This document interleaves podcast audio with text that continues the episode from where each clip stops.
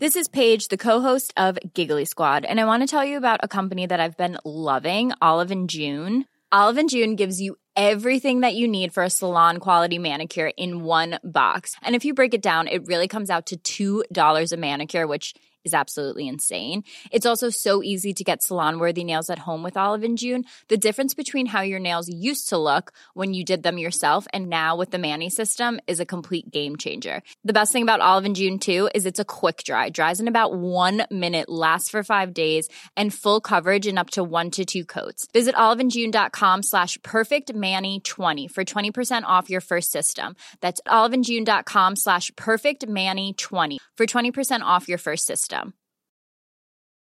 Hey, I'm Ryan Reynolds. At Mint Mobile, we like to do the opposite of what Big Wireless does. They charge you a lot, we charge you a little. So naturally, when they announced they'd be raising their prices due to inflation, we decided to deflate our prices due to not hating you. That's right. We're cutting the price of Mint Unlimited from $30 a month to just $15 a month. Give it a try at mintmobile.com slash switch. $45 upfront for three months plus taxes and fees. Promo rate for new customers for limited time. Unlimited more than 40 gigabytes per month. Slows. Full terms at mintmobile.com.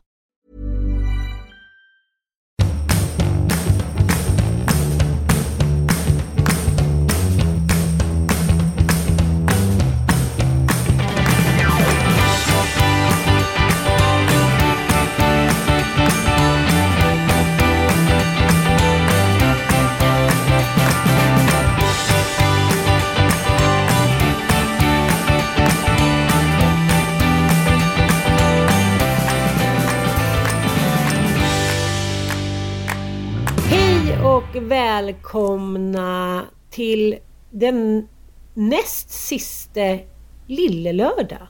Ja, tio Ja. år med podd. Det, Tioårs, tioårskriget. ja, alltså jag tänker ju att en podd kanske inte behöver bli myndig innan den får liksom flytta hemifrån. Utan en podd kanske kan vara tio år för att få ja, springa iväg och, och, och liksom, här, klara sig själv. Att vi känner att eh, det är ju ni lyssnare som har gjort den här podden. Att Lille Lördag får liksom leva vidare via er helt enkelt. Tiggande att fortsätta. Så att eh, tyvärr kära ni och ni har inte heller varit så supersugna på att prenumerera. Så att det går liksom inte att eh, fortsätta. Tyvärr. Nej. Vi har försökt. Kan man jämföra med att man så här, börjar ligga med en kille och så ser plötsligt säger man så här, nu måste du ha kondom. Exakt. Annars får inte du ligga med mig. Ja. Det var en otroligt lik, bra liknelse. Många kan känna igen sig i den. Många kvinnor. När jag tänker på en podd. Och jag tänker tydligen på ett ligg.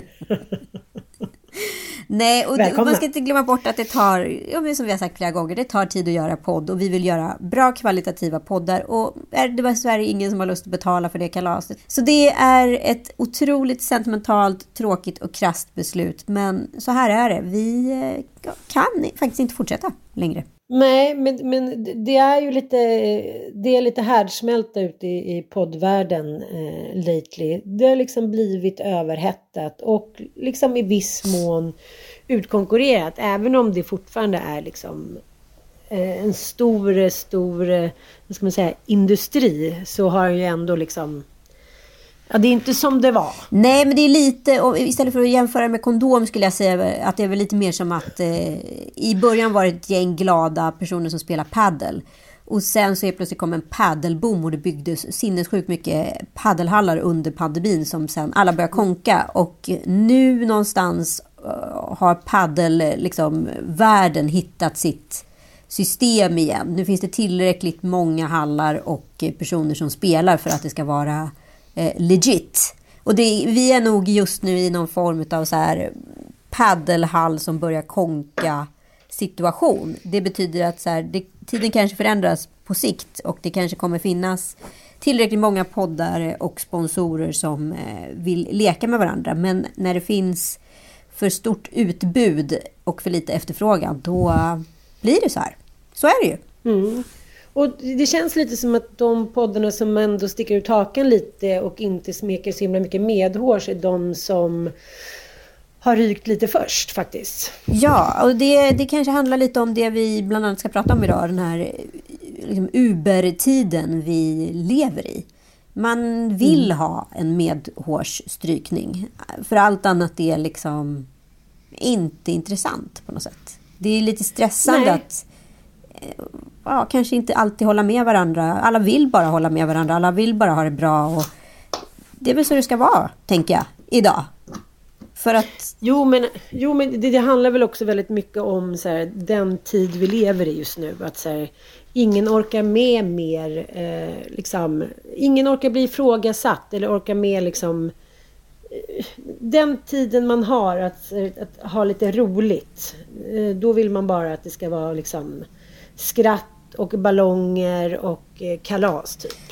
Och pruttkuddar. Eller jag vet inte. Nej, men jag har ingen aning. Jag tänker bara att det hänger ihop med liksom, eh, den här eran utav ett mindre krav på sin omvärld på alla sätt. Jag åkte nämligen Uber här för ett tag sedan, vilket jag gör relativt ofta. Eh, Det är det jag använder nu för tiden tyvärr när jag åker taxi. Jag tar inte en dyr taxi om jag inte ska typ till Arlanda med en chaufför som kommer öppna dörren och lägger in väskan där bak. För att jag känner att det kanske inte är värt 250 spänn att ta sig från Östermalm till Söder eller tvärtom. Utan jag vill helst bara betala 100 spänn. Men i det här 100 kronors paketet då. Eh, så kan ju inte jag heller bli irriterad på chauffören ifall han sitter och pratar i telefon eh, med halva liksom, bekantskapskretsen. Eh, kanske väljer en sämre väg än vad en eh, liksom, duktig utbildad taxichaufför hade gjort eh, som inte behöver åka med hjälp av GPS. Eh, för att det är ju den världen jag har valt. Alltså det är den världen jag har skapat som jag tyckte att tiden var värd. Jag tyckte inte att distansen var värd mer än 100 spänn. Och då kan jag inte heller förvänta mig någon typ av extra service. Eller någonting extra överhuvudtaget. Och jag tycker, när jag satt där i baksätet och ändå var irriterad och i grunden mest irriterad på mitt eget rätt dåliga beslut där och då i situationen. Så slog det mig att hela samtiden har liksom blivit någon form av Uber-rating. Till och med en rätt dålig service får en fem, femma i betyg utav mig. För att jag orkar inte ens tänka tanken på att jag skulle ge ett annat betyg, för jag kom ju ändå fram. Jag kräver inte mer av min samtid. Och det väl lite där som jag upplever att liksom hela samhället har på något sätt blivit... Det som var 3 och 0 när jag var yngre, det är 5 och 0 idag. Precis som vi säger, fantastiskt! För någonting bara är egentligen en jävligt svag 3, så är det fantastiskt. Att liksom, det är en beighet här ute som är så svårgreppbar. Så att vi skiter i det. Det är li- lika bra att bara slänga iväg en femma. För det som är grejen är att då ger han en femma tillbaka. Det betyder att jag blir också en bättre person. Ifall jag ger bra. Men i slutändan så är vi båda två jävla medelmåttor. Och jag, Ja, Jag, jag, jag, jag är beredd att skriva under men jag, jag tror att det här genomsyrar allting. Att vi hade eh, några glada 10, 15, 20 år där vi kunde åka till Thailand, åka charter för en femma och Fimp. Eh, liksom, vi kunde leva la vida loca. La Belle inga Époque. direkta pengar. Ja, La Belle Époque. Och nu ska vi börja betala och då vill vi inte det. Och då är det så här, ja, men missionärer kanske inte var så tokigt ändå. Ja, man får ju sin orgasm och sen kan man ju liksom käka fredagstacos. Det känns som att vi liksom har givit upp lite. För att jag har ju eh, gjort en liten tvärtom eh, strategi där. Att jag eh, har liksom valt att åka med Taxi Stockholm och åker väldigt liksom, lite taxi eftersom jag har cyklat. Men nu är det svårt. Och jag måste säga att de få gånger jag gör det då. Jag blir inte ett dugg irriterad på taxichauffören. Vi har så trevligt. Han är så gemytlig, påläst eftersom det är ju inget dussinyrke längre för de som, ja, de som inte har någon stolthet. Alltså, jag fattar ju att så, här, det ena leder till att vi sitter alla här som råttor. Det är ju det Uber har skapat. Det, är så här, det handlar ju inte ens om medelmått. Det handlar om att du skriver förmodligen den där femman för att den där ska, tjänsten ska finnas kvar. Och du ska ha Nej, men lite för jag orkar inte ta konflikten. Och nummer två, jag vill inte få sämre betyg jag för att jag ratear Nej. dåligt. Alla är femmor. Alla är femmor bara- fast alla är medelmåttor. Det är det här jag säger. Ja. Och liksom, Vi spelar med. hela världen är ju mellanmjölk just nu. Vi, liksom, vi har ju Mm. nöjt oss med medelmåttor. Alltså det är Mm. det som är, förlåt, nu kommer det igen, liksom, body positive. Ja, för att vi orkar inte ta fighten och säga så här, hej, du kanske också dör utav fetmarelaterade sjukdomar om du äter Mm. så mycket och säger att det är bra, även om din självkänsla är på topp. Det är fantastiskt. Men det kanske inte är bra för dig, för vi orkar inte med fighten så vi ger bara en fucking tumme upp eller hjärta på social liksom för att slippa konflikten. Och då får vi liksom den här, vi skapar den här vad ska jag säga, sörjan, den skyn som ligger högst upp som man så här silar bort för att få den här glansen. Vi, vi, vi, vi fortsätter simma runt i den här sörjan för att vi liksom orkar inte med att sila bort den. Det, vi bara är i det. Ja, och, och vet du vad som är liksom kronan på verket? Eller vad ska man säga så här, spiken i kistan för att vi någonsin trodde att vi ville vara något annat än mellanmjölk. Det är ju egentligen, håll i hatten, Jonas Gardells sorti som den galne farbrorn när han i en intervju häromdagen gick ut med och sa Jag har ingen framtid längre. Eh, Mark var min framtid. Jag tänker att så här, det låter ju sorgligt och liksom lite vemodigt och i alla fall liksom... Lite på pick min me. plan, Ja, verkligen pick me. Och på min planhalva så, så har ju han då eh, liksom äntligen vågat visa sig vara lite mänsklig och inte tro att han är så jävla mycket över alla andra, vilket man gör när man är ett supercouple. Men sen i slutändan så är ju de flesta, både män och kvinnor, pick me girls. Men ensam är Och, eh, svag, så är det ju liksom. Ja! Och jag tror att det är det vi inser nu. Det är därför liksom de flesta, man fortsätter vara ihop med den där snubben. För det var tryggt och skönt. Och vi hade, det var ju så roligt på helgerna. Vi umgås med dem som vi har umgåtts med i 45 år. Och det går ju bra. Och nu har vi lite stash också. Ungarna börjar bli stora. Visst har vi det bra? Eller? Och det jag menar nu, den här med Jonas Gardells då, liksom, vad ska man säga, uttalande handlade om att han ville vara så jävla annorlunda. Det skulle vara öppen relation och han och Mark och hit och dit. Och sen visade det sig att Mark hade träffat någon annan. Mm. Som, och att det var på riktigt. Och då eh, var liksom inte, då alla de där uttalanden som har gjorts genom åren att säga vi lever det här bögrumpelivet men vi är ändå superstars.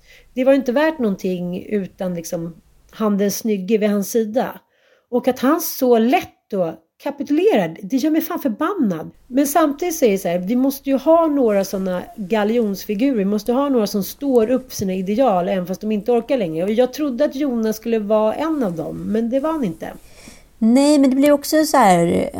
Han har levt på och kunna vara sin bullriga, glada jag. För han har ju visat upp sig för Mark. Han har velat vara ball Ja. för Mark. Fast det, han inte Lite har... tjock och glad, tokig. Ja, men han har ju liksom inte förstått att Mark har ju stått ut med honom under alla dessa år för att Mm. han alltid haft någon annan. Alltså, man har ju många gånger tänkt och tyckt synd om Mark. Att så här, hur står han ut med den där Jonas? Men är det, för att han, är det för att han har velat leva livet med barnen? Eller är det för att han har velat Säkert. vara snäll och inte haft hjärta? Ja, Vi kan ju bara spekulera, men... Men, Men jag, jag kan ju uppleva med att Jonas Gardell är ju inte, alltså de få gånger jag har träffat honom, jag är absolut livrädd för honom. Eh, han är Ja, ju en av de läskigaste kända personer som finns. Liksom. Han är iskall och stenhård och så spänner han blicken i en. Alltså tänk att leva med en sån person. Jag skulle alltid vara liksom, rädd för den personens ilska etc. När man väl då har byggt upp då för att ta det här kriget, då vet du att det finns inget alternativ. Du kan liksom inte förlora kriget utan du måste ha så pass mycket liksom armor för att vinna striden. Och det gjorde ju Mark. Och det som liksom blev kvar på det där slagfältet, det var bara en liten, det var inte ens en krigsherre. Det var en liten kyckling i rustning. Den såg han liksom inte. Den satt där inne och eka och fick massa röst. Men det fanns ingenting. Det var en tom tunna. Nej, och jag, jag tycker så här, mellanmjölkskänslan den, den genomsyrar ju allting. Och jag tänkte att det blev en sån sensation nu i Stjärnorna på slottet. För där har ju alla bara så här, stått och typ virkat små liksom dukar bredvid varandra. Eh, sen eh, Ola Rapace då eh, gjorde en liten skandal här för några år sedan så har det ju varit väldigt gulligt och mumligt och kompisaktigt. Men sen så nu när eh, Carolina av Ugglas då eh, avslöjade att hon hade haft sex på det kungliga slottet. Ska vi lyssna lite här? Ja, men jag hade andra faktiskt roliga. Jag gjorde barn på slottet. Nämen. Nej. Nej, men jag hade pojkvän där. ja. Så jag gjorde ju såna där saker. Jag menar, folk håller ju på med tusenmetersklubben och allt det där. Och jag menar, det är klart, jag är med i alla klubbar liksom. För det är ju liksom så här busigt så. Och då hade jag ju slottet. Och vi knullade på slottet. Det är aspinsamt. Knulla. Ja, men vad är det för gäng som är där i år? Alltså det är ju liksom någon form av mellanmjölks-SM. Ja, och med Mark då, Levengood, eh, som tyckte att det är så tokigt att, att, att hon hade det där sexet i slottet. liksom, det kanske aldrig var några punkrockare. Nej, det är väl bara att kanske alla bara- blivit liksom så här... Alla har ju liksom på något sätt gett upp, precis som kanske du och jag har gjort. Liksom. Kanske är det så att ingen har råd längre att vara punkrockare. Liksom amorteringarna ska betalas typ. Ja, men verkligen. Ja, men så är det ju. Ja. Vi har i alla fall sett en form av punkrockeri och det ska vi vara väldigt glada för. Eh, både du och jag såg ju den här eh, Carl Larsson-dokumentären i tre delar som finns på SVT. Eh, och, eh, Ja, tips från dig, tips från ja. dig. Älskar dina tips. Tipsa om det nu, för de är jättebra som du kommer med varje Vad år. gullig. Ja, men varje år släpper jag Ja. min Best of-lista. Det betyder inte att det är de enda grejerna jag ser, utan jag ser väldigt mycket mer. Men det här är de grejerna som jag tycker tar sig in på listan. Eh, och de kan man se på mitt Instagram bland annat. Eh, och, eh, men den här tog sig faktiskt in- inte in på listan för att eh, jag... Eh, jag vet faktiskt inte varför. Men... Eh, jag Nej, den kom så sent in på. Jag hade redan gjort klart listan då. Men jag tycker den är otroligt sevärd. Eh, och det handlar då om eh, Karl och Karin Larsson som är då arketypen för svenskhet, skulle man väl kunna säga. I sitt väldigt liksom osvenska hem eh, på Sundborn. Som också har blivit nu synonymt med allt vad Sverige är. Jag tycker det är väldigt intressant att se. Att det som vi ser så synonymt med Sverige. Det var egentligen influenser från alla andra länder som Karin Larsson hade varit i. Det är så här. Där fick vi. Tji fick vi. Ja, men det är väl otroligt hur, hur liksom, ny kultur kan uppstå i myllan utav något annat. Alltså, Sverige är ju i grunden liksom rovor och eh, dimma. så, så att hon kom och satte liksom färg på Sverige och hittade de här eh, som nu är Farrow Balls, liksom, eh, superfärger. Och liksom färgsatte en svensk palett genom dem är ju otroligt. Men det är så intressant med hennes liksom konstnärskap, hur hon då var en väldigt framgångsrik konstnär, men levde liksom i fel tid då kvinnor i princip aldrig, oavsett hur förmögna man än var eh, och kul- kulturella, skulle kunna gjort en karriär i sin, under sin livstid inom konstnärsvärlden. Eh, Så hon valde helt enkelt, vad ska man kalla det för, att abdikera genom att gifta sig då med Carl Larsson och låta sitt eget konstnärskap eh, liksom förädlas genom färg och form. Mm. Det här var också under liksom, eh, de sista skälvande årtiondena under 1800-talet när också kvinnor som var skådespelare eh, klassades som horor. Just det. Eh, Så att det är så här att, att hon slutade måla är kanske inte så mycket att så här Carl Larsson var ett arsle som inte vill ha konkurrens utan handlade väl mer om samtidens krav på kvinnor och så mycket som eh, liksom vad ska man säga, så moderna som de var. Det är därför den här serien är så intressant tycker jag också. Det är så jäkla lätt att plocka in dem 120, 130, 140 år senare i vår svenska samtid och säga ja, här skulle de passat in och hon skulle förmodligen varit någon influencer och han hade varit någon liksom spännande konstnär som typ hade psykisk ohälsa och du vet, fastnade i någon laddkontroll och hitan och ditan och massa ungar och fram och tillbaka. Alltså så här, det kändes väldigt mycket nu på något sätt. Ja, och det är väl det som är det intressanta. Därför blir jag, jag hörde liksom en rätt ordentlig sågning utav det här i Sigge och Alex och håller faktiskt inte alls med om kritiken. Sen kan man ju tycka att eh, experterna i det här programmet ibland vurmar lite väl mycket och kanske ser lite väl mycket mellan fingrarna. Å andra sidan så tänker jag att man måste ju utgå från det tidsperspektiv det var då. Om vi skulle se på världen generellt historiskt idag så bara så här, fucking hade de slavar! Lägg av! Alltså my god, cancel! Alltså det går ju inte utan vi måste ju utgå från premissen vad som hände då. Och utifrån den mm. tiden så var de ju otroligt moderna. Även om kvinnan var ju, alltså hela äktenskapets berättigande är ju att kvinnan är ägd av mannen. Det är därför hon får mannens efternamn och innan, innan kvinnan får den, makens efternamn så äger hon ju, ägs hon ju av pappan i princip och gården och så vidare. Mm, mm. Så, Men det här var ju på en tid när, när, kvinnor inte ens var myndiga ska vi lägga till och Karin Larsson så här, åkte på liksom tågluff med sin polare. typ så 18 år. Till så Paris ändå... och gick konstskolor. Ja. Och, alltså det var otroligt liksom eh, alltså nyrikt och liksom, alltså, alltså, aristokrati kopplat med liksom, kulturell överklass. Liksom. Jag skulle verkligen vilja se en serie om eh, Karin Larssons föräldrar och hennes... Såg du pappans blick? Det var så här, så helt galen Och ändå så bara, det är lugnt, ingen fara, vi litar på dig. Ja, du ska förlova dig där borta och typ ligga lite med Kalle Larsson, så här, en galen konstnär som ingen hört talas om. Men det blir väl bra? Det blir väl bra? Ja, nej, jag tyckte det var eh, fantastiskt. Och så, precis som du sa också, sista avsnittet när eh, det blir så tydligt att, att Carl Larsson då, liksom, lite på ålderns höst, man blev ju inte lika gammal på den här tiden, eh, var så här, nej men nu ska jag verkligen göra det jag brinner för. Jag ska måla mitt livsverk. Inte blod. Ja, och jag skiter i vad de andra säger. Jag är, så här, jag är en punkrockare. Jag kanske har varit en clown som har målat så här pastellfärger. Och vykort. Sunn... Ja, men fuck it. Nu är det så här, det här kommer jag göra liksom om jag så dör på kuppen. Vilket han gjorde. Mm. Eh, och det blir också så tydligt att det handlar så mycket om vilka som gillar en och inte. Ja, men det... Egentligen inte vad man åstadkommer. Nej, men man har ingen aning om man kommer vara profet efter sin egen död. Alltså det är ju lite det här, Nej. och det var ju det som hände med Midvinterbloden. Den hängdes ju nästan hundra år efter hans bortgång. Mm. Eh, för den, mm. den var ju alltså ett det konstverk som sitter i taket på Nationalmuseum, ni kan säkert googla på det, Midvinterblod, det var liksom hans livsverk. Allting är i det här.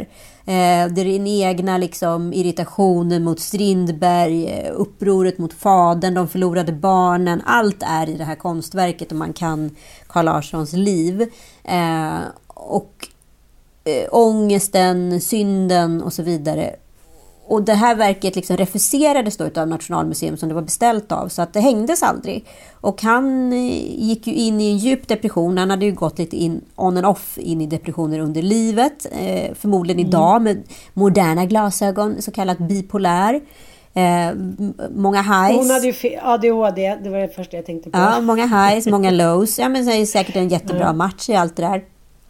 Mm. Eh, och otroligt, som tur var, otroligt stark kärlek till Karin och hon i honom. Även fast han hade älskarinnor och allting som det avslöjades. Eh, på ålderns höst så verkade hon... Du pratar om tyst om i serien. Mycket tyst. Ja, fast de nämner det i tredje avsnittet.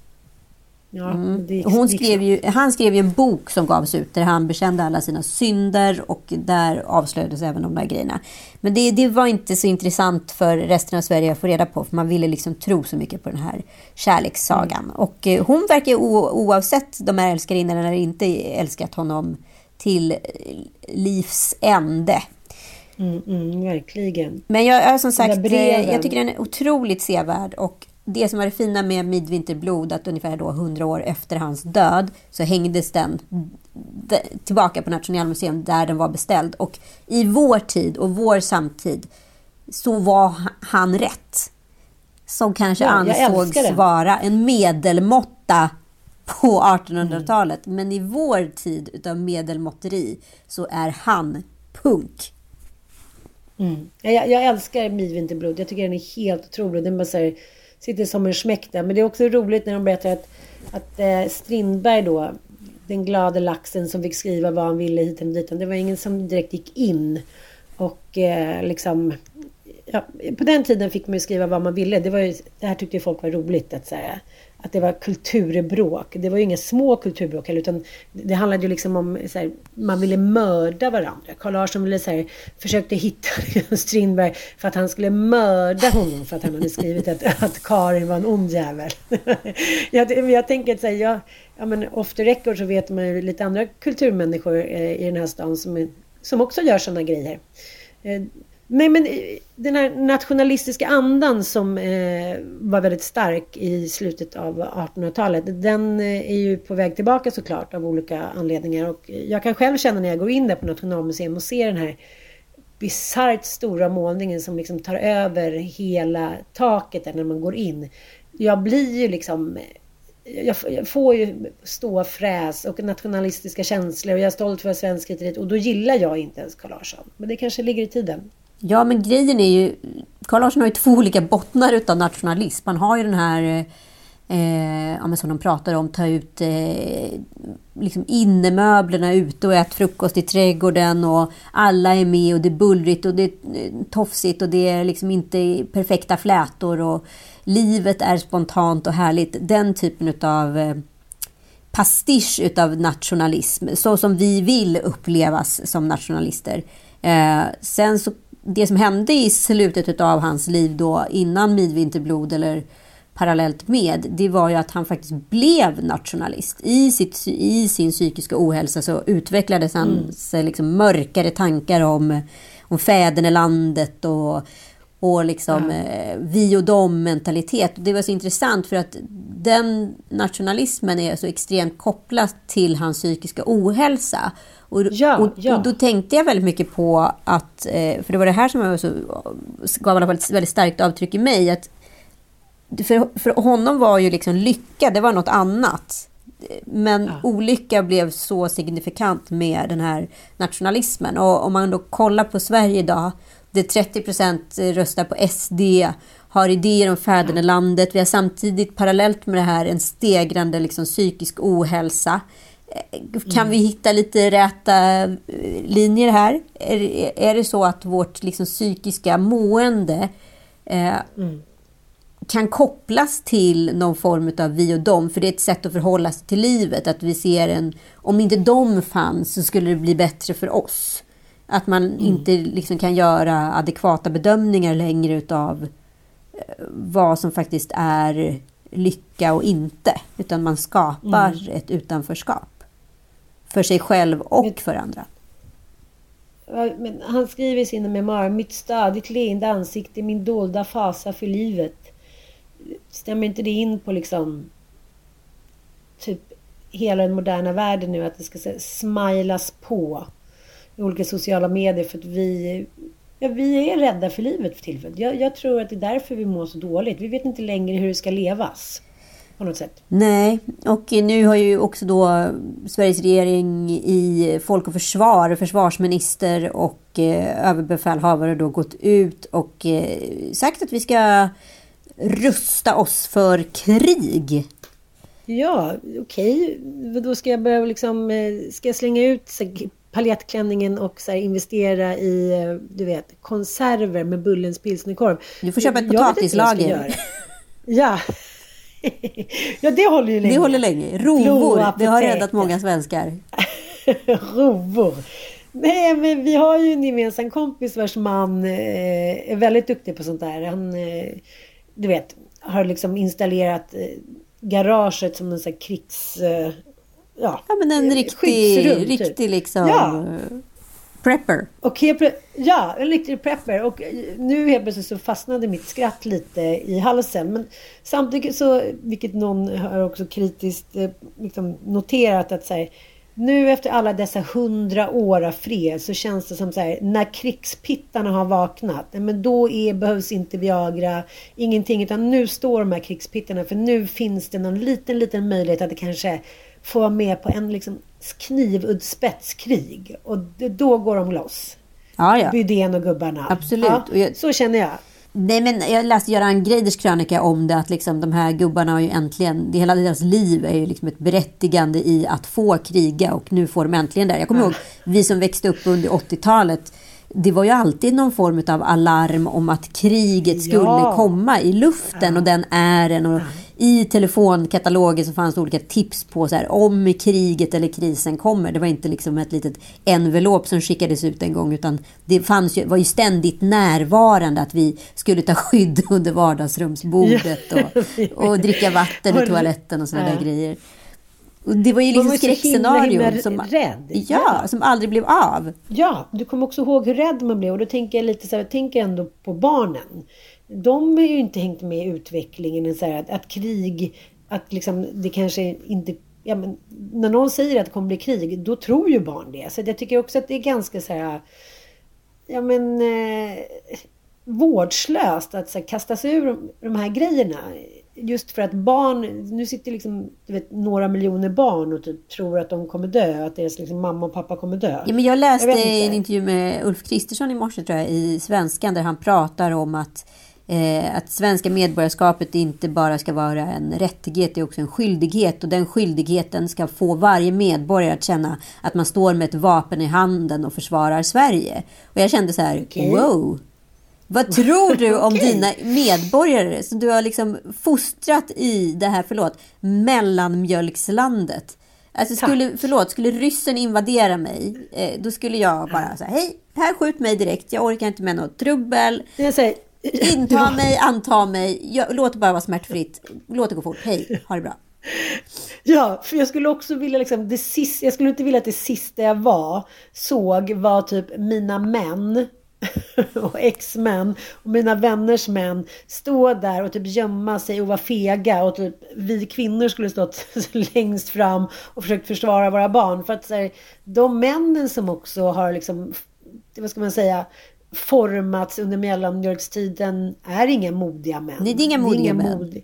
De tar inte en kula för liksom vare sig familj eller för kvinnor eller barn utan de vill helst så här, spela golf eller eh, ja, säga att det är kvinnornas fel. Så att så här, vi har inga som kan försvara oss. Nej, alltså det är bara katastrof. Ja, och dessutom så kommer det ta ungefär tio år för Ryssland att rösta sitt liksom, totalförsvar. Så att, ja, vi, kan, vi kan sitta still i båten ett tag till i alla fall. Om inte någon miljökatastrof eller något annat skit knäcker oss på vägen. Vi har tio år kvar. Exakt. Så jag tänker att så här, de här alarmisterna det känns ju ändå mm. som, då säger också de att det här är enda sättet att få folket idag att reagera och vakna. Och så sitter jag ändå här och så dissar det. Jag ger, inte jo, jag, ens, jag ger inte ens en femma i Uber-appen. Jag ger en trea. Det betyder att det var inte okej. Det här är den enda trean du har vågat ge. Det är den enda trean jag vågar ge. Jag känner så här, lugn nu gubbar. Sitt i båten. Ta det lugnt jag tänker också hela den här icke-debatten att så här, Klarar, klarar inte tjejer av snälla män? Det är så här, mesiga män. Vi ville ha det, så när vi fick det. Nej, men det handlar inte om det. Det, liksom, det, spelar ingen roll vad vi önskar eller vad vi vill. Så att that, liksom moral och du vet hederståget. Det har liksom gått. Om det, ens, om det ens har tuffat på någon gång i Sverige så har det gått för länge sedan. Och det är väldigt många som står kvar på perrongen och det, de, kommer inte, de kommer inte gå och hoppa ner i en stridsvagn. Det ska jag säga. Nej, nej, nej. Men alltså vänta, jag vill bara så stoppa liksom bandet här lite och bara så här, förlåt, men vem tror ja. du det är som har preppat hemma i det här hushållet? det, ja, det är inte det är inte mannen, myten, legenden. Det. Nej, det är det inte. Men vem är det som går runt med de där knivarna och allt vad det är som har köpts, eh, det här tändstålet och grejer och showar ja. off med det? Ja, men det, det, det är så här, rakt tillbaka till då Karl och Karin Larsson. Verkligen. Han var runt och, han var runt, han var tvungen att sticka och resa lite då och då va. Eh, supa lite, ligga runt lite för, för den här ångesten va. Medan hon var hemma, tog hand om de här sju barnen, gården, såg till att allting var bra. Liksom, jag tror att det är så lite som har förändrats. Och just i krigstider eller kristider så blir det också väldigt tydligt att så här, Ja, det ville bara bråkas och mördas för någon, någon känsla som dök upp. En försmådd känsla. Så det kommer aldrig leda till någon livs... Liksom, det finns ingen chans för fred. Det har jag också insett. att det är så här, med den typen av män som finns idag så, ja, det är bara liksom hoppa och blunda typ. Men vi vet inte ens om Putin lever om, eh, om vad heter det, tio år. Så vi får väl bara hoppas att det här är ett så här, om krisen, om kriget kommer i telefonkatalogen som ibland då dyker upp när man öppnade den där boken. Och så blev man, fick man den där klumpen i magen och så fortsatte livet utan att mm. krisen eller kriget kom. Men att medvetenheten att det kunde komma, det mm. gav åtminstone någon form av så här ryggrad. Och det kanske i slutändan är det som vi behöver få tillbaka. Rädslan om livet istället för för livet. Att, här, att inte ta det för givet. Precis. Och om mm. det är det som är syftet hade de ju kanske kunnat då porträttera det lite bättre. Men i och med att alla eh, politiker slash eh, ledare idag är ungefär lika bra som en 5 och nolla på en rating i en Uber-app så ja, uttrycker de sig ungefär som en 5 och nolla i en Uber-app i sina ja, resonemang. Ja, och det är därför man sitter och tappar andan och liksom är så lycklig när man ser Top Gun 2 för man tänker så här Tänk om det bara kunde vara lite mer som Top Gun 2. Cool fact a crocodile can't stick out its tongue. Also, you can get health insurance for a month or just under a year in some states. United Healthcare short term insurance plans, underwritten by Golden Rule Insurance Company, offer flexible, budget friendly coverage for you. Learn more at uh1.com. Hey, I'm Ryan Reynolds. At Mint Mobile, we like to do the opposite of what Big Wireless does. They charge you a lot, we charge you a little. So naturally, when they announced they'd be raising their prices due to inflation, we decided to deflate our prices due to not hating you. That's right. We're cutting the price of Mint Unlimited from $30 a month to just $15 a month. Give it a try at mintmobile.com slash switch. $45 up front for three months plus taxes and fees. Promote for new customers for limited time. Unlimited more than 40 gigabytes per month. Slows. Full terms at mintmobile.com. Jag gjorde en sån otrolig konstig grej innan jul. Och det här är väl egentligen vad kanske stress då gör med en. Som man inte riktigt förstår. Jag ska på en mm, mm, fest, eh, en middag med människor som jag inte känner. Ett event som det heter i influencervärlden. Eh, jag är djupt stressad. Jag har också varit lite för mycket tidsoptimist under dagen. Så jag tänker att mellan två videomöten ska jag också klämma in en dusch. För att då direkt efter videomöte nummer två åka till den här middagen. Så blir mm. inte fallet. Det hinns inte med någon dusch för de här videomötena drar ut på tiden båda två. Eh, och jag inser då att jag måste duscha efter videomötet och kommer då bli minst 30 minuter sen till den här middagen. Är det här liksom, är lite fancy pansy? Vad har vi på oss? Liksom... Ja, men det fanns ju ändå en dresscode så det betyder ju ändå att det liksom mm. är, det är inte bara en så här after work middag. Utan det, är, det, det, finns ändå någon form av kravställning på det. Så, sen så är det ju inte liksom en galamiddag, det ska jag absolut inte påstå. Men det är väl liksom någonstans Nej. mitt emellan. Lite tjusigare mm. mitt i veckan-kläder. Eh, absolut. Och jag är ju extremt stressad. Så jag kommer då till ett hem som är ett väldigt liksom, exklusivt hotell och även restaurang. Ja, det kan vi säga. Det kan vi säga. Det kan vi säga. De, de, de mm. har liksom eh, video security innan man ens får komma in. Liksom. Det är på den nivån. Jag ringer på, kommer in och säger, och då hade jag varit där på en annan grej bara en vecka tidigare, så jag antar att de kanske också kände igen mig. Jag säger så här, hej, jag är lite sen, jag ska på den här middagen. Absolut, de är på andra våningen i nya huset, säger eh, den personen då som tar emot mig där. Följ med. Och vi sätter fart över gården. Jag är stressad. Jag känner att liksom, du vet, man är så uppe i varv så man liksom hör lite hur pulsen så slår i huvudet och man är inte riktigt i mm. sig. Man är lite emellan mm. sig. Eh, mm, och jag mm. bara så här, liksom radar upp olika ursäkter jag eventuellt ska komma med för att min sena ankomst och så vidare. Hur som helst, mm. när jag kommer in i den här väldigt liksom gemytliga miljön som är vacker vackert juldekorerad på ett sånt där sätt som bara kan vara i överklasshem med högt i tak och stuckatur. Eh, och det doftar så här liksom lite nejlika, lite pomerans, alltså de här otroligt så här fina mm. juldofterna. Då, då, känner jag att jag börjar, så här, åh, jag börjar landa. Jag kommer till en garderob. Din ursäkt är klar. Ja. Vad är din ursäkt? Min ursäkt var att det var mycket stressigt på jobbet. Och jag hade ju faktiskt ah. hört av mig till värdinnan och flaggat att det här skulle ske. Den där lilla vaga. Den där Ja. lilla vaga. Jag kommer i alla fall upp på andra våningen, blir mottagen med, utav en garderobiär som tar min jacka. Det första jag får i handen är ett otroligt trevligt glas champagne från något bättre märke med små fina bubblor, mycket liksom äppelsmak och citrus. Mm. Så, Du är på gång. Jag är på du, gång. Du, du är en i världen. från min liksom väldigt hårda ankomst så landar jag väldigt mjukt, så kan vi säga. Ja, jag fattar. Jag fattar.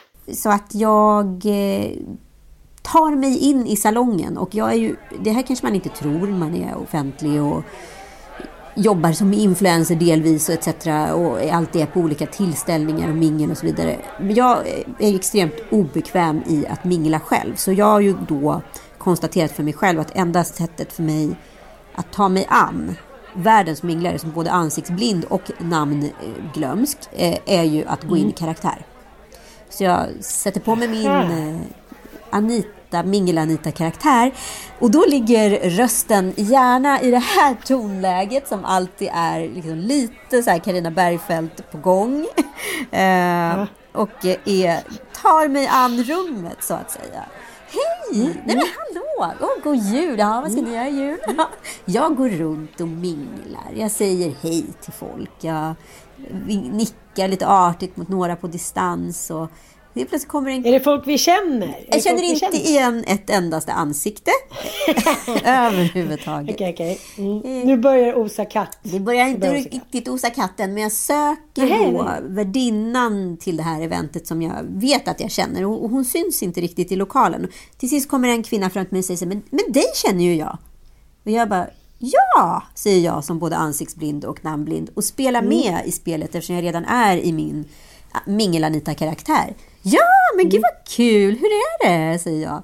Jo, men det är bra tack. Ja, vilket, vilket år det var. Ja, verkligen. Ja, vad gör ni i jul då? säger jag som att jag känner den här kvinnan. Nej, men vi, vi åker ju då till mina föräldrar först och sen ska vi då till hans föräldrar. Ja, och börjar, det börjar liksom en liten så här harang här. Och jag, här någonstans börjar jag känna så här, vem är den här personen jag pratar med? Hon pratar ju med mig som att jag nästan jobbar med henne. Eh, och Är det för jobbigt? det är för jobbigt. Jag börjar jobbigt kolla lite runt i rummet och känner så här. Det är någonting som inte stämmer. Så till sist så jag bara ursäktar mig och går och letar upp eh, en utav personalen i köket. Bara, är det här verkligen Lunars event? Jag- de, de kanske är på någon annan våning, säger jag. Lunar? Nej, men de har inget event här. Men Isabelle, är inte hon här? Isabelle Nej, Löwengrip. men, och, och hon bara, så, vilken Isabel, du kanske kan kolla på inbjudan, säger de. Bra idé tycker jag. Så jag tar upp inbjudan och ser då att jag är alltså på fel event. Och jag är inte bara på fel Nej. event, jag är också på fel adress. Jag skulle vara på Villa Dagmar. Så jag har alltså crashat någon form av eh, riskkapitalistfest. Ett, en investerargäng. Där var jag. Tuba, det är inte läge att be om en liten investering. Det var inte eh, liksom eh, finance-sektorn jag skulle besöka överhuvudtaget, kvällen till ära. Så jag blir då glada, ja, 50 minuter sen ungefär till dit jag skulle. Men det gick bra ändå. Men det, det, den här chocken och konstigheten i att så här, kliva in med rätt energi i fel värld. Alltså det blev liksom som en Ja. kortslutning hela den kvällen. Jag var liksom ur fas. Förstår du hur jag menar? Ja, ja, ja, gud ja. Du, och det fanns liksom ingenting som du kunde så här, ta till för att så här, hamna i... Det var liksom inte en sån fest. Nej, men det fanns För- inga för förmildrande med omständigheter min- överhuvudtaget. Alltså det var ju bara så här, du är Nej. dum i huvudet, du har gjort fel, Ja. du är ett jävla ägg, du kan inte ens läsa en inbjudan för du är så stressad och dum, så skyll dig själv. Men har, har du varit med om den här känslan av så här mellan mjölk, jag på säga. Nej, men mellanskapet. Ja, men- Du vet, man har liksom energi för någonting som är helt snedställd, så att den matchar inte med miljön på något sätt. Nej, men jag är ändå så här, den helige graal av de känslorna här på nyårsafton. Är det sant? Men, men det, ja, men dels för att så här, när man har levt i, liksom, i ja, men, kanske inte behöver säga klassiskt kärnfamiljsliv, men när man har levt eh, liksom, familjeliv så är ju nyårsafton, tycker jag, det mest synonyma med så här, ja det är nyår och barnen ska vara med och ska vi orka till tolvslaget och ibland blir det liksom lite extra härligt om man är uppe i fjällen och hit dit. Men, men, men det är ändå en ganska, ja men så här, stabil lakonsk tillvaro. Det är så här, nyårsafton är inget liksom party all night long när man har mindre barn. Nej. Nej, man klär upp sig lite och man sitter där och hoppas att barnen ska äta lite innan de liksom ballar ur hit och dit. Och eh, i år skulle ju då jag och Mattias eh, fira på helt olika ställen. Vi skulle ju... Han sk jag skulle ta julen och han skulle ta nyår. Sen följde han med upp till fjällen så då blev det ju inte riktigt så. Så då redan där började liksom min, mina nyårsplaner. För det här var ju ändå din första egna jul egentligen. Ja, och jag hade ju till och med typ gått på healing för att förbereda mig för det här. Jag hade liksom, ja men på alla sätt på försökt förbereda mig. Och sen så eh, blev det inte så av olika anledningar. Hans föräldrar blev sjuka och lite sådär. Och det gick jättebra, så det var ingenting med det. Men sen när nyår började närma sig och jag då skulle ha en tjejmiddag och vara på tjejmiddag med en kompis med så här, lite par, lite singlar och liksom verkligen party all night long. Ja, då hade du väl förmodligen så... också klätt dig därefter, tänker jag. Man, man ja, är inte mamma hade... längre, man sätter på sitt så här väninne-sexiga paket. Ja, det, och eftersom mitt nyårslöfte är att våga så här, gå lite mer mot eh, kvinnlig, sinnlig sexighet så hade jag också köpt en nude-klänning för 99 kronor på H&M som blev ivrigt påhejad av eh, de som jobbade där. Det är klart du ska ha den, det är klart du ska ha den. Och, men det var som att ha ett second skin det, liksom, det lämnade inget övrigt att fantisera om. Det var, ja, eh, liksom en, en, en, en andra guldhud i liksom genomskinligt dansmaterial. Typ. Verkligen. Alltså verkligen ja, singelplagg. ja, verkligen så här, gå ut och så här, ja, du bad om det. Precis, kolla på min kropp, kolla på mig, jag... se mig, möt mig. Ja, verkligen. Och eh, till detta hade jag då knallrött vinrött läppstift. Jag hade till och med liksom så här, jag hade gått all in. Det var naglar, det var clacks.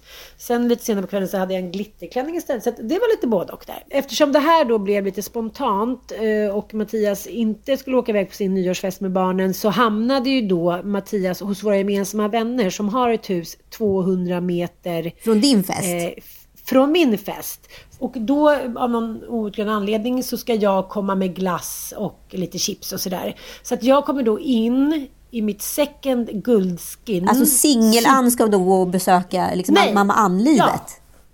Precis, och jag är också inne i de energierna att jag så här, håller på att smsa med min kompis. Okej, okay, humrarna där nere. Ja, vi har, gjort, eh, vi har liksom fixat drinken här. Nu skynda dig, vi står och väntar allihopa. Så jag är så här, jag är ju liksom som en brunstigt sto som ska på fest. Men nu helt plötsligt så har någon liksom stängt igen hagen och satt dit så här, alla mina föl och min liksom, han som satte på mig där eh, för massa år sedan. Alltså det blir väldigt konstig känsla när jag kommer in där. Där står de, någon har en stickad tröja och kjol och det är typ 15 barn och jag är bara så här.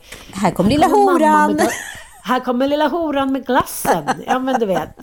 Och lite annat om ni vill ha. Nej men det var verkligen så här, det sista lilla horhuset i Texas. Och du vet, det krockar så mycket så att jag, jag försöker sätta på mig liksom någon kavaj och, och de är så här, bjuder på någon förrätt. Och det, men då stannar väl du och äter med oss som för, förrätt då? och som förr i tiden? Nej, och jag känner mig, jag känner mig som att jag är 18 år igen. Oh. Du vet när man var så på pappas 50-årsfest med sin kille och de var så här, då stannar väl ni kvar då på, eh, på eftermiddagen då? Man bara säger nej, vi ska ner till Berns typ. Alltså det, så här, man kunde, det var som att vi var två generationer som inte kunde förstå varandra. Åh gud, ja, men du vet det där är också så konstigt tycker jag, eller har jag förstått, att när barnen ser den vuxne. För, för, för barnen ja, är man ju alltid ja. mamman. Liksom. Ja. Kommer du ihåg när vi var uppe i Gävle och Penny var med? Och vi, jag var mer väninna för stunden än mor. Just det, just det, just det. Just det. För, att vi var inne i vårt liksom, väninnesurr. Och hennes liksom, stress runt mitt karaktärsbyte utav person. Ja, det. Alltså det är ju väldigt stressande ja. för barnen att förstå att ens förälder inte bara är ens förälder. Och det kommer jag ihåg så mycket på liksom min egen mammas begravning när det kom fram en väninna till mamma liksom, som var där och berättade om hur hon var som vuxen människa och inte mor.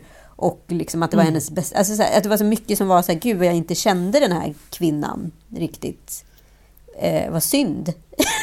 alltså lite Ja. så.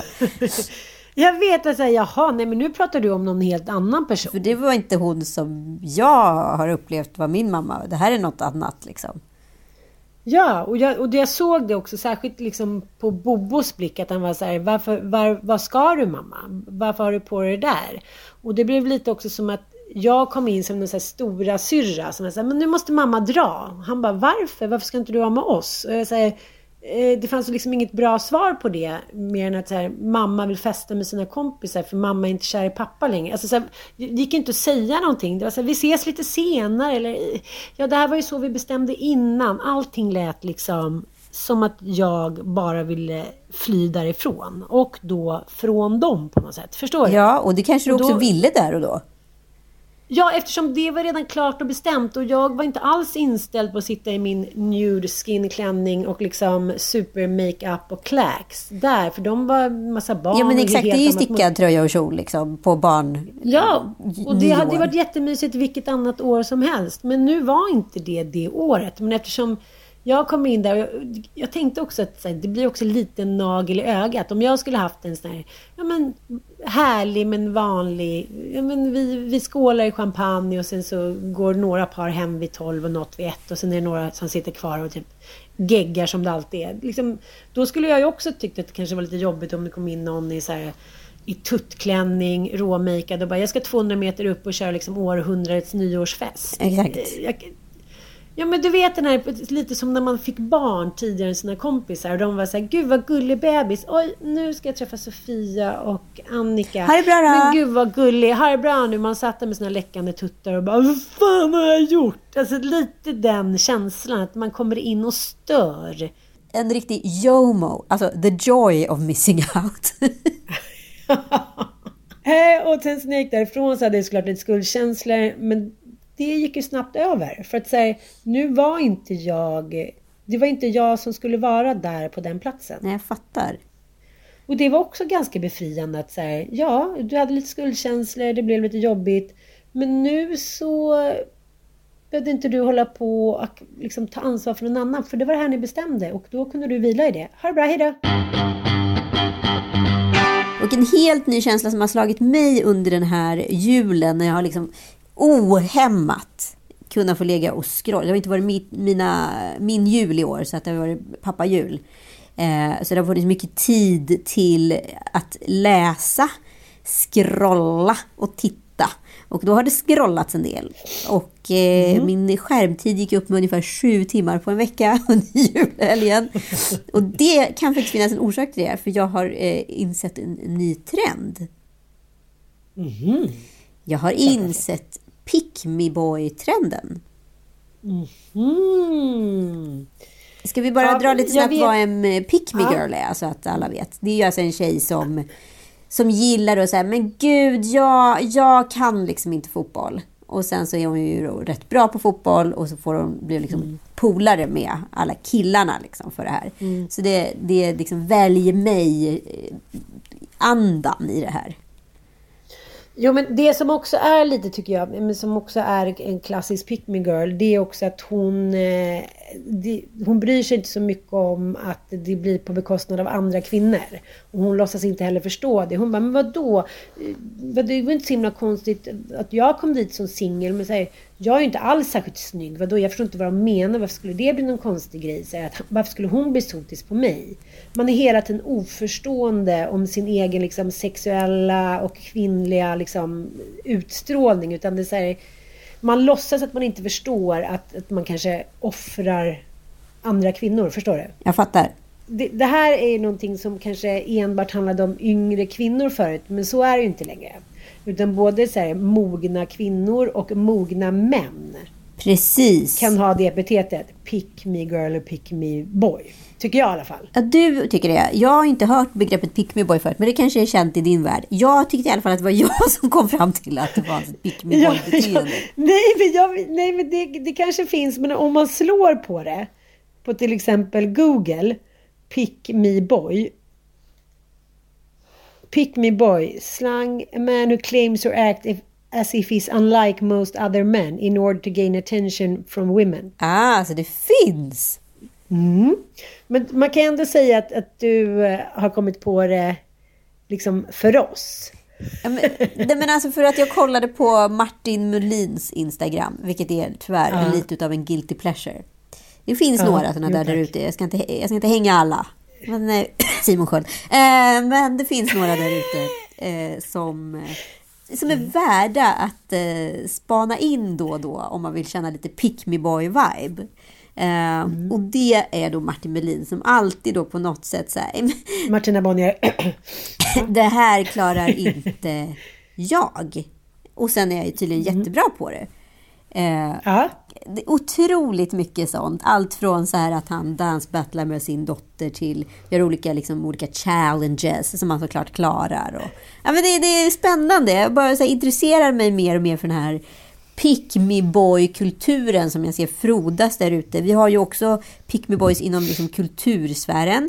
Vi ska ju inte icke förringa Augustin Erbas otroliga krönika där det var synd om honom för att han hade en stor kuk. Det var ju ändå, det var ju Nej, ändå men- sensationellt.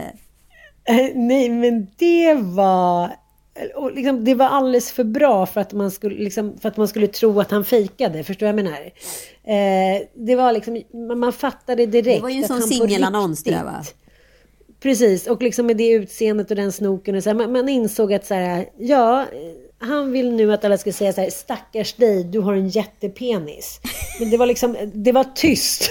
det var tyst.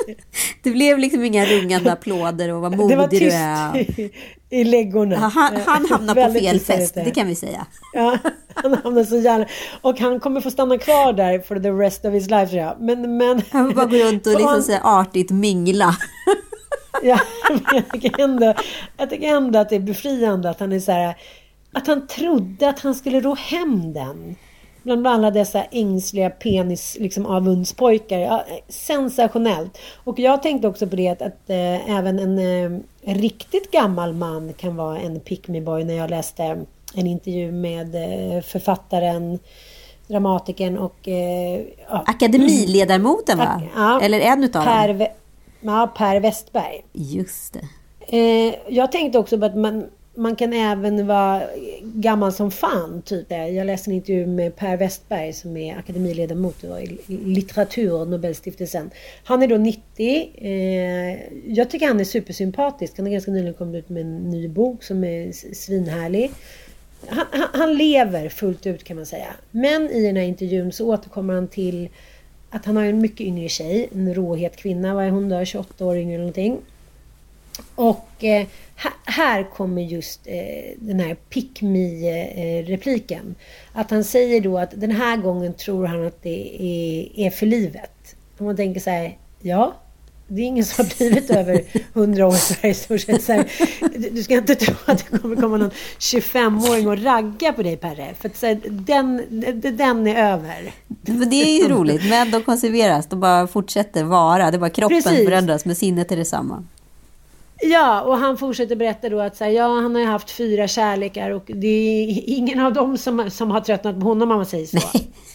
Ja, men så här, varför, var, det, var det viktigt för den här intervjun att få med att du har varit den som har lämnat?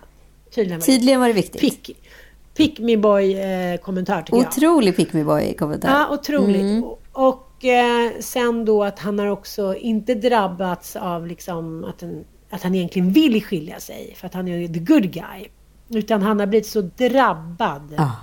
av det här, de här kärleksmötena Mm. med de här kvinnorna. Så att eh, han är ju helt annorlunda. Och det här är ju också synonymt med Pick Me Boy. Han är helt annorlunda än andra män. För han ville inte. Nej. Han var ingen douche. Nej. Men när det där händer. Ja, då finns det inte så mycket att göra. Så där, det där med självrannsakan verkar inte vara Per Westbergs grej. Alltså däremot omskrivningar, litterära omskrivningar, det gör livet mycket mer Mm. härligare på något sätt. Ja, men han kanske har rätt utifrån ett pick me eh, liksom, utifrån den mellanmjölksstandardiseringen vi nu har valt som är jämställd och rätt tråkig och ja, det finns inga elitsatsningar längre. Därför har Sverige kanske inte det bästa utav eh, fotbollslandslag längre. Alltså för att det, det, liksom, det var aldrig någon som ville att det skulle bli så bra för att jämställdheten var ju bäst. Det kanske är bäst, men det kanske inte är roligast, så kan man väl säga. Nej, men, det är där, men hur kan vi då vara så missnöjda? Vi har liksom, precis som med försvaret har vi nedmonterat liksom, ja men vad ska man säga, eh, de där topparna, punkrockarna, de manliga, de som lever livet. Och nu så vill vi ha tillbaka dem och det kommer ju inte gå. Alltså det, då får vi börja om från början och det är ingen som, som har tid eller ork med det. Eh, Men jag kommer också på Ja, men- the holy grail av Pick Me Men. I kulturvärlden. Ja. Säg.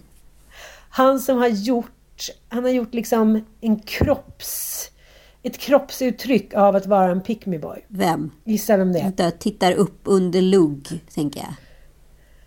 Nej, nej, nej. Det här är en, en helt annan liksom eh, eh, pågående liksom eh, skådespelaruttryck. Säg. Om jag säger Haag.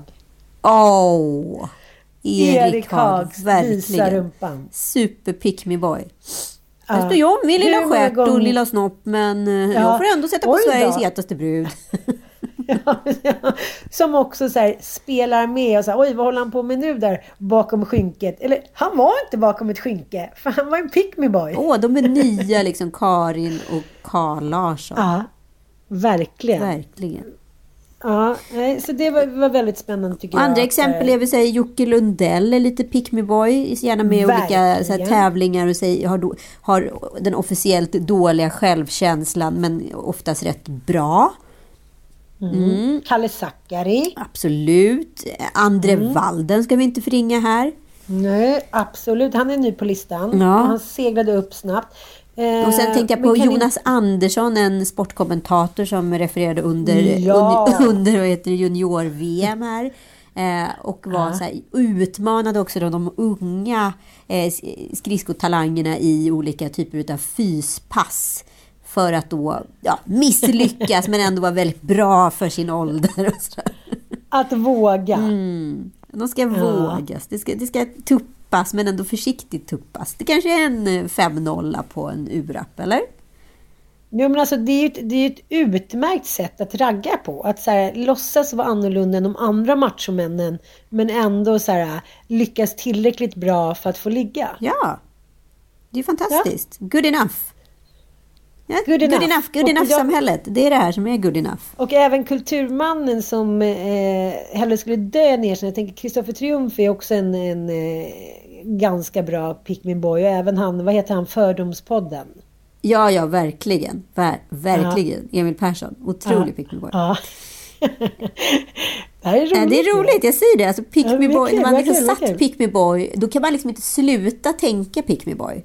Nu kommer ni lyssnare Nej, också men- gå runt och tänka pick me boy. Ni kan väl skicka in lite pick me boys eh, till oss inför sista avsnittet. Eh, Jag har nu den bästa pick me boy. nej men säg. Som jag också tycker väldigt mycket om. Så det är inte så här, Björn Hedensjö. Jag såg att Björn Hedensjö och Erik Galli, en annan pick me boy, eh, är på semester Mm. ihop. Så det kanske är pick me afton ja. Med Men pick att det där, in the name of the culture så kan jag liksom, så, så tror jag att det är en mantel som ingen ser. Men alla ser dem, all- alla ser dem alltid. Eller också kommer en självbiografi. En pick me boys bekännelse. höst. Mm, mm. Ja, men tillbaka till en annan pick me boy-akt. För att liksom utveckla det här konceptet lite när vi ändå är inne i liksom Uber-landskapet och åker runt planlöst utan mål känns det som. Det var någonting som jag läste om i Svenskan för ett tag sedan. Eh, någonting som heter situationship. Vet du vad det är? Nej. ska jag berätta för dig, lilla vännen. Situationship är liksom att man inte riktigt då, det är oftast kill, på liksom killar som tar initiativ till det här. Det är att man inte längre vill ha ett one night stand, för man tycker det känns ofräscht och ohygieniskt med olika liksom, kön och könsinteraktioner, så man inte riktigt vet vad de har varit i för pungpåsar innan. Liksom. Ja, eh, ja. utan så här, man vill ha samma ligg, för man kanske då också skapat en sexuell vibe med en person. Man får ju oftast bättre sex efter lite prakt, alltså, ja, praktiserande. Jo, jo, jo, jo. Ja, Mm så då vill man liksom behålla sin KK då, alltså, det hette ju KK förr i tiden. Men man vill liksom inte ha några känslor inblandat och man vill inte heller ha eh, det där andra som kan leda till relationer, praktikalitet som att köpa en bostadsrätt och skaffa barn. Utan man vill, man vill ha KK-världen men också myset. För myset är nu viktigt. Myset, goset och det roliga. Och så sexet. Och lite, lite romantik då också vill man ha. Det är lite romantik, pytte, pytte lite romantik. Men man vill inte ha ansvaret som kommer med en seriös relation. Man vill göra de romantiska grejerna men utan att ha några obligations. Precis, du lajvar romantik mm. utan förhållningar. Mm. Och orsaken till det här är då att det kostar energi. Eh, jag orkar inte liksom vara med om bråk och såna där grejer. Jag vill vara bara liksom fri, säger han. Eh, den här killen då som heter Alex som intervjuas. Eh, och eh, en annan kvinna då som heter Sonja, hon får kontakt med Daniel på Tinder. Och de börjar umgås och de kommer överens om att vara vänner som har sex. Det vill säga friends with benefits, en så klassisk KK-situation. Men snart eh, utvecklas då relationen till ett situationship. De träffas alltså regelbundet, de träffas alltså varje vecka, pratar djupt, skrattar de ligger och hittar på roliga saker tillsammans. För en KK, det ska man ändå säga som en definition utav KK, det är ju någonting som håller sig inom fyra väggar. Det är ju ingen man hänger med utanför rummets väggar, liksom, eller lägenheten. Nej, det är lite så här, ja, men lite, ja, men som vi pratade om för några avsnitt sen, så här, killar som eh, har haft tjej sedan flera år tillbaka men inte låtsas om det, fast, fast de, de, de är aldrig med officiellt. Enligt deras eh, uttryck då, för att de vill inte vara, de vill inte vara med i den här världen. De vill inte vara officiella. Nej, bara, precis. Eller så är det du som inte vill det. Precis. Nej, men så att mm. det skulle jag mer definiera som en KK-relation. Där då också kanske en person tydligare då definierat vad den andra personen är i förhållande till. Under tiden ett situationship då är på lika villkor, i alla fall enligt den ena parten, att man då gör saker, man hänger. Man hänger som kompisar och gör egentligen allt. Man plockar det göttigaste ur relationskakan utan att behålla tristessen som bråk, räkningar, eh, städning, tvättider, huslån mm. kan bidra med. Det är, mm, mm. Jag, jag, kan liksom inte, jag kan tycka att så här, är det här en del av ubrifieringen? Det är det här jag funderar på. Är det här liksom... Lätt! Det enda är att säga eh, kan man ju inte utvecklas någonting i. Jag tänker det här är lite som gamla tid, att vara gamla tidens musa. Man kanske kan lära sig knullskills, man kan lära sig att liksom, hur är det att vara tillsammans med en annan person utan att känna några krav. Alltså istället, du vet ju i början när man är kär, man bara, jag vill vara perfekt, jag vill veta allt om den andra personen, eh, jag vill ha skills. Liksom, man känner press på sig att vara världens bästa person. När man inte har någon så här relationship quotes, då kan man ju vara jäkligt avslappnad. Så kan ju, jag men, det tror jag de flesta känner som går ut och blir singel igen. Man bara säger, who cares? Här ligger jag lite fram och tillbaka. Det behöver inte liksom jag behöver inte prestera typ, så att jag får guldklocka. Det är ganska skönt att vara i den in-between. Det här blir ju lite både frihet och sex i en liten ask samtidigt som man typ utvecklas. Kanske både sexuellt och emotionellt för att man har redan bestämt sig för att det här ska inte leda någonstans vilket inte sätter så jäkla mycket press på en, eller? Nej men jag bara funderar på, är det här liksom Alltså förstår du, om vi nu skulle definiera det här som, som så här, är det här Uber eller är det Taxi Stockholm? Har vi valt liksom den lyxiga vägen utav en relation? Vi har inga krav, men vi får det göttigaste. Eller är det så att eh, en relation är någonting som kravställer från två håll? Om vi nu pratar Ulf Kristersson språk och pratar vad man har för skyldigheter och för rättigheter. Om du nu bara har mm, mm. rättigheter mm. i en relation, är inte det då ett, ett Uber-universum där båda kan ratea varandra? och ge varandra fem och noll. Eller för i en Taxi Stockholm-relation så betyder det att du vissa... kanske måste prata med chauffören. Du, den kanske måste hitta rätt utan GPS. Alltså, förstår du vad jag menar? Det är det här jag försöker landa i. Liksom. Ja, men jag, jag tänker så här, i den situationen jag är i livet, om jag skulle ha en sån relation så skulle det passa mig perfekt. För jag vill liksom hitta tillbaka till mig själv som person och utvecklas och liksom bli någonting som jag vill vara, en bättre människa, bla bla bla. Om jag ska hålla på och gegga nu med relationer och bli kär eh, så, så, så, kommer ju det stå i vägen om jag känner mig själv rätt. Men, Men blir det, det inte då att händer... man bara fastnar i det här liksom mellanskapet jo. och bara liksom blir kvar där för att det, allt det andra kommer kravställa dig och det betyder att du inte bara får rättigheter, det kommer också innebära skyldigheter. Och då är det ju rätt lätt, tänker jag, att fastna i det här och bara bli en sån här som har 3000 poäng och går på universitetet och aldrig blir liksom färdigexad för att man är så rädd för att ta steget ut i verkligheten. Liksom. Jo, jag vet, men jag tror att det här kommer vara, nu när vi pratar om det så här, framtidens förhållande, för jag tänkte på det här om dagen att jag skulle prata med dig om det att om jag jämför då med, med liksom mina första killar, när man åkte iväg till Alpen eller åkte ifrån varandra och det inte fanns mobiltelefoner direkt och så här, Man kunde ringa kanske, men den laddade ur. Hur mycket man längtade efter varandra. Det var liksom eh, Romeo och Julia-vibbar, även om jag tycker att Romeo och Julia kanske liksom har förstört mer för framtida släkter än vad den har gjort bra. Att så här, det var verkligen han och jag och vice versa. Och när man träffades så var det liksom elektriskt, eklektiskt. Man, så här, man tog på varandra som att det, så här, man hade återfunnit varandra efter en dödsresa. Förstår du? Jag upplever det så starka minnen utav åtrå i dess renaste Otrolig form. åtrå, Där det liksom ja. så här, du, bara du vidrör min hud så liksom går det som en elektrisk puls Ja, genom liksom hela min kropp. Eller bara ge mig den där blicken på andra sidan rummet så, så, så vibrerar det. Liksom. Det har inte jag upplevt kom- på många år. Nej, jag håller med dig. Man säger, var på Gran Canaria, man träffar någon kille, någon surfare. Ja, han kanske heter Andy Laufer.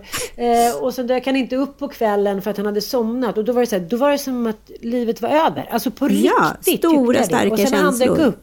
Ja, så var det så här. Nej men gud, mitt liv har återuppstått. Det var så här, det var som att få livet tillbaka. Men gud, jag, blev, jag fick Och också någon med- stresspåslag här, här under julen. Vi käkade middag med ett par eh, som är rätt nykära. Liksom. Och där, men faktiskt har en form av situationship. Det är väldigt liksom, outtalat. Och då, så, så, här, de pussades hela tiden, du vet, så här, och kunde inte så här, få nog av varandras kroppar. Och liksom, att de tog på varandra. Och jag märkte så här, jag och Joel då, sju år in, bara så här... Jag, jag tog, märkte att jag så här, under middagen någon gång tog, så här, tog tag i hans arm för att liksom få någon form av så här reaktion. Och han bara, "Vad är det något? Vad, vad är det? Vad fan är det? Lägg av! Man bara, jaha, jaha. jag, på, Mr Pokerface också. Jag var så här, för jag kan ju inte heller säga till honom då under middagen vi tar inte i varandra, det är helt sinnessjukt. När upphörde vi med det här? Titta vad de hånglar. Jag kan ju inte säga utan jag försöker då bara göra liksom en liten romantisk gest egentligen för att visa det andra paret att ja, men vi är visst kära. Även fast det inte ser ut så. Han det här är faktiskt jävligt rolig sketch. Vad är det? Vad är det? Vad vill du? Ja, vi är kära i varandra. Vi tar på varandra. Nej, det gör vi inte. Nej, det gör vi inte. Ah, Okej, nöjda ändå. Men är det här nu, nu måste vi bestämma oss älskling. Är det här, är det kanske, tänk vad mycket man hade blivit besparad om man inte hade trott att det skulle vara så där hela tiden. För fan, du vet, jag hade varit så mycket lyckligare och rikare och liksom levt ett hullabaloo-liv. Förmodligen med samma kar också om jag inte hela tiden hade trott på det där. Men samtidigt kan jag känna, jag försöker få liksom mina söner, jag bara, men de, och sen är jag nykär. Jag bara, men gud du längtar väl ihjäl dig typ. Kan du sova? Han bara, ja. Jag bara, aha. okej, men kan du liksom, du kan väl inte låta henne vara typ? Han bara, jo. Alltså så här, för honom är det så här, ja, det, det är hans tjej och han är kär i henne och längtar efter henne. Men det är inte hans allt. Nej, det är inte Han har hans allt. yogan och han har plugget och han har brorsorna och kompisarna och han har framtidsdrömmarna. Och ja, han har sagt till henne, han är kär i henne och de har det bra. Det får vara gott så. Men jag blev Liksom, chockad. Jag pratade med Tom Allan häromdagen. Han fick någon feeling att öppna upp sig lite för mig, vilket han aldrig gör. Och började då prata om tjejer, hur tjejer ska vara och hur han ska vara i förhållande till tjejer. Och så. Det var ett otroligt fint samtal och, och också så här personligt. Och han hade redan en, ty- jag ska inte avslöja samtalet, men han hade redan en tydlig bild av målsättningen med relationen. Vilket för mig var helt så här chockartat utav att liksom han då nio år Jaha, redan det? definierat vad kärlek är. Att, eh, Wow. Hur han ska förhålla sig till henne och hur hon ska förhålla sig till honom och också varför det är viktigt med att ha egna liv och inte bara vara uppe i varann. Det hade han liksom tänkt ut. Det är mer än vad jag har gjort innan jag var 35 kan jag. Jag vet, men, men det är ju också lite tråkigt. Men det hade ju också... Det låter ju som oss Jan. De hade redan definierat det. Ja, jag vet. Och liksom, jag har ju inte definierat någonting i stort sett i mitt liv. Och nu när jag ska börja göra det så blir det också så här märkligt. Att jag bara, hade jag definierat någonting i mitt liv så hade ingenting av det som har hänt hänt. Alltså förstår du vad jag menar? Ja, jag så här, är det verkligen läge nu? Borde jag verkligen borde jag resa ut? Borde jag ligga? Borde jag skaffa barn? Då hade jag så här, jag hade haft typ noll barn. Nej men du fattar, jag hade liksom aldrig legat loss och jag vet inte. så här, jag tycker det är så svårt för å ena sidan så kan jag tycka att det är vettigt att inte bara så här allt är kärlek hit och dit. Å andra sidan känner jag så här, nej men tänk om vi håller på att liksom sanera bort de starka känslorna. Ja men håller vi på att bli så jävla liksom... effektiva så att vi så ADHD-medicinerar bort hela liksom spektrat utav passion och åtrå. Alltså de viktigaste drivkrafterna som finns i livet. Mm. Men tänk dig alla som heter antidepp, över en miljon människor i Sverige. Det är, de, det är som man pratar med, med de som heter antidepp. Det är varken upp eller ner. Och sen ska de sluta med antidepp och undra sig, jag har blivit galen, jag är arg. Ja. Jag känner mig kåt. Eh, jag bryr mig om människor. Ja. Så att jag tror så här, vi håller på att liksom medicinera bort Romeo och Julia-syndromen. Ja, men det är det jag liksom... menar. Det här är ju mm. Uber-definitionen utav en relation. Ett situationship i en relation. Det är som att ratea varandra 5 och 0 fast det kanske bara var en 3 och 0 och sen så kunde vi safe mm. åka vidare och inte behöva ta konsekvenserna att någonsin behöva interagera med varken förare eller, eller resväg för vi kan vara arga i en app istället. Ja, och, och, så tänker man så här, om man nu skulle säga om vi skulle då eh, sätta betyg på olika relationer vi har haft så kanske inte det skulle varit fem av fem. Men under tiden när vi har haft dem där och innan och så har vi liksom, de har ju varit sex av fem till och med för att det har passat oss just då. Och då tänker jag så här, tänk om vi bara levt ett chimärliv. Ja men lite som Karin Larsson som var så här, jag är så kär. Ja, men du har ju aldrig liksom ens petat på en snubbe, så här, vad har du att jämföra med? Liksom en typ... Men man kanske inte behövde heller om man liksom kände den djupa, säkra åtrån. Behöver man då ens tänka på andra? Eller förstår du vad jag menar? Det är klart att alla människor har väl sina fantasier och tänker på andra personer. Allt annat vore jättemärkligt. Men, men eh, däremot betyder det inte kanske att man behöver liksom, hoppa över skacklarna. Alltså, du kan ju stanna kvar på samma sida så länge du går in i din illusion att du är förälskad. Nu när du lever i valfrihetens värld i det jämställda landet där det finns massa val åt olika håll gör det oss verkligen lyckligare? Det är väl egentligen det som är liksom den stora frågan i den här podden. Nu när vi kan mm. välja allt, vill vi verkligen välja allt? Det är för, för mycket val. Men jag tänker så att de barnen som så här, får en isbit när de är små och säger så här, det är godis. De bara, den är så god. Man bara, så här, men ni är så sjuka föräldrar så de är avlägsna mig för all framtid. Men hon vet ju inget bättre. Man bara, nej, men ni verkar inte veta någonting. Ja. Men, men, det är lite samma sak här. Att så här, ja, Karin Larsson träffade Carl Larsson och, eh, och hon blev kär och kåt och hit och dit.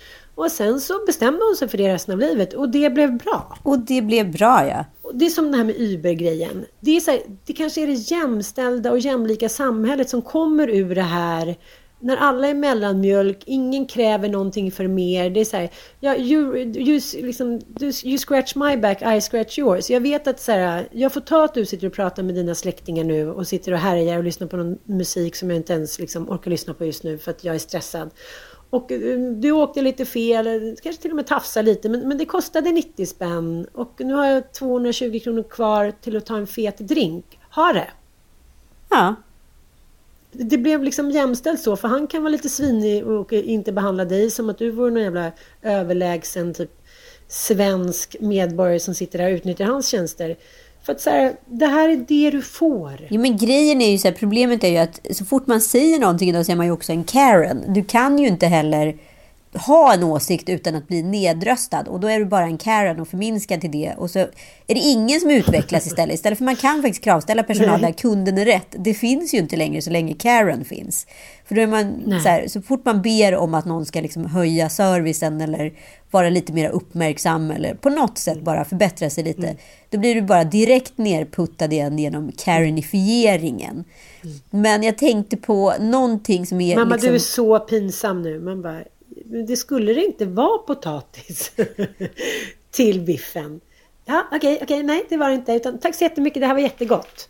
Tack, tack. Gud vad härligt. Vad trevligt det är. Ja. Jag gör vad som helst för att inte vara en Karen nästan. Nej, och det är också första tiden nu. Det är första åren att intelligensen går tillbaka.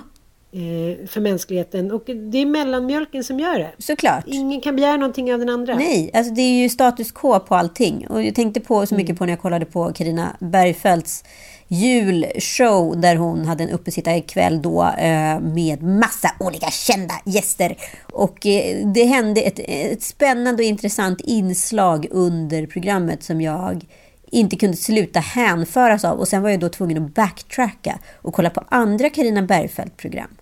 Och inser då att det här är ett återkommande fenomen i Karina Bergfeldts program. Vi ska lyssna lite. Jag vet inte om det stämmer. ja, men kungen av Göteborg. Men, eh, jag ska spara. Men... Det är, det är lite det här... Ja, det kanske inte var helt tydligt här, men framförallt ni som har sett programmet, vet ni vad jag syftar på? Jag syftar på hennes skratt. Alltså hennes bryta ihop-skratt som hon gör inför de plattaste formerna utav eh, one-liners från män och kvinnor som inte är stand-up. Och jag har märkt att de här skratten, de är oftare förekommande i situationer med män än med andra kvinnor.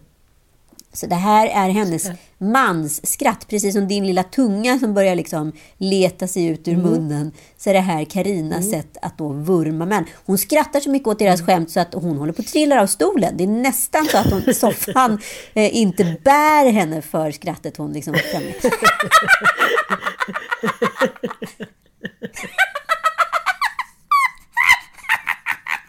Alltså hon håller på och tappar det varenda gång hon skrattar. Och det kan vara vissa plattityder som helst. Är inte det helt Jag otroligt? vet.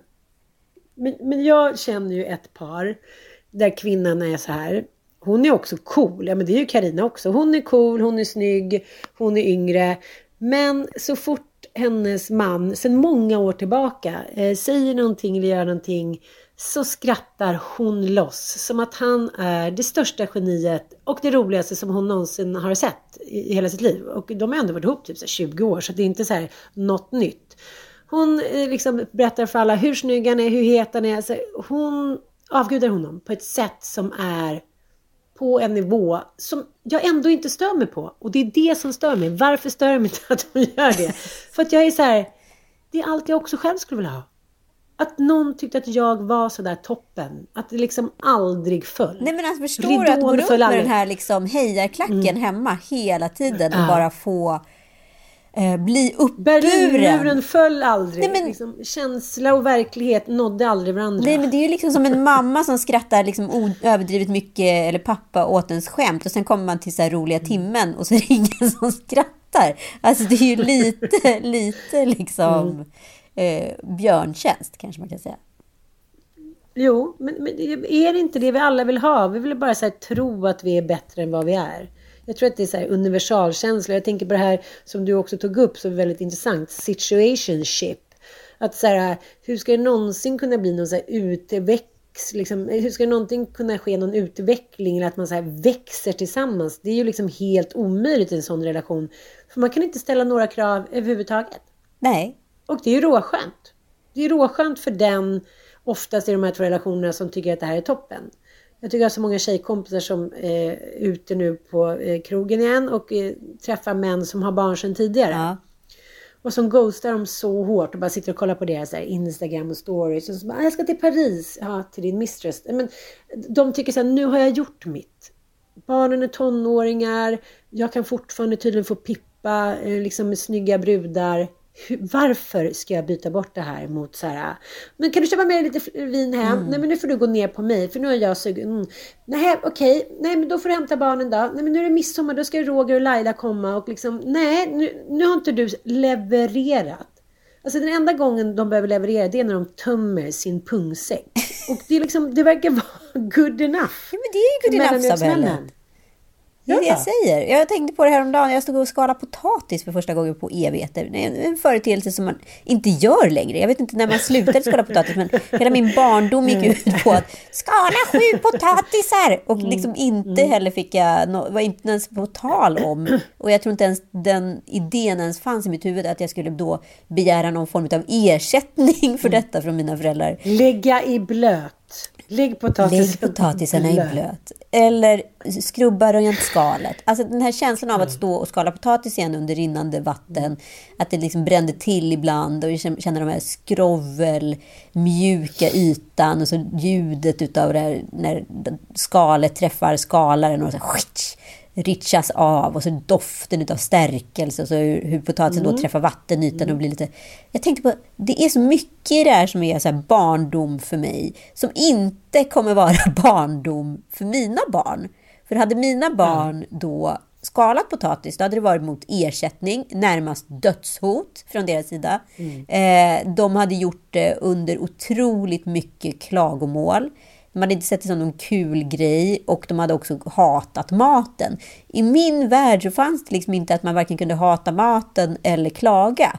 Och jag tänker att den här, det här är väl liksom spjutspetsen utav Uber-samhället. Där vi då kan ratea som föräldrar utav våra barn hela tiden.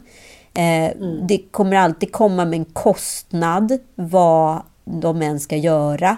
Eh, och den kostnaden kan sällan liksom, den är, inte, den är one way. Och jag får betala dem, men de kan ratea mig. Och döma Och dig. döma mig. Och jag bara funderade på vad fan var det som hände? Hur blev det så här? Och hur har jag kunnat gått med på att orkestrera det här? Skiten, förlåt, för det är det det är. Det, det, vi, det, det är det som också blir eh, lite liksom, vad ska man säga, ojämnt. Att, så här, de är ju uppe på någon kunglig platå. Och vi, liksom, vi får vara nöjda med mellanmjölk och även då bli dömda för det. Om inte vi levererar liksom, platån till dem. Vi kan inte kräva någonting av dem, men de kan kräva vad som helst av oss. Och det är kanske så som relationer har varit. Liksom, mellan barn, mellan liksom, män och kvinnor. Och nu är det liksom ingen som orkar prestera längre. Så då, då blir det pasta. Då blir det pasta istället. det, ja, det som var liksom en, en, en statusmarkör för typ 20 år sedan. Att de som åt liksom potatis och kött. De som inte hade liksom mamma som hand typ koka, liksom koka potatis, för det tar ju ändå sin tid att skala. Det var liksom eh, också en aha-upplevelse, men jag läste det som en klassmarkör. Att, så här, att, man, att man orkade och hann ordna potatisen. Ordning och reda. Otroligt. Mm, en knöl skulle upp. Mm. Nej, jag vet inte vad som hänt. Men med det här sagt så känns det liksom lite dystert att säga att tio år har gått Mm. fort. Vi hade hoppats på att komma ut på en turné. Eh, jag tror tyvärr Mm. inte det kommer gå. Det är bara liksom trist på alla sätt och vis att säga Mm. tack och hej och stänga lådan på det här sättet. Vi Mm. eh, kommer tillbaka om en vecka och gör ett liksom best of-program. Ni får jättegärna skicka in era liksom favoritavsnitt och sådär nu under veckan. Och, eh, så kan vi försöka prata om lite gamla minnen och rota i arkiven och se vad som har kommit upp. Mm. Vi, ska, vi ska hitta ett avsnitt per år och diskutera stämningen och tillståndet där och då. Och vad som har hänt. Och vad som har hänt sedan dess.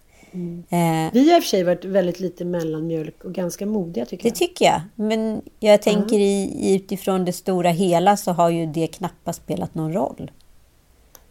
Nej. Och det är väl det, med det som är mellanmjölken som sorgligt. överlever. Mm. Det är de som vågar lite grann.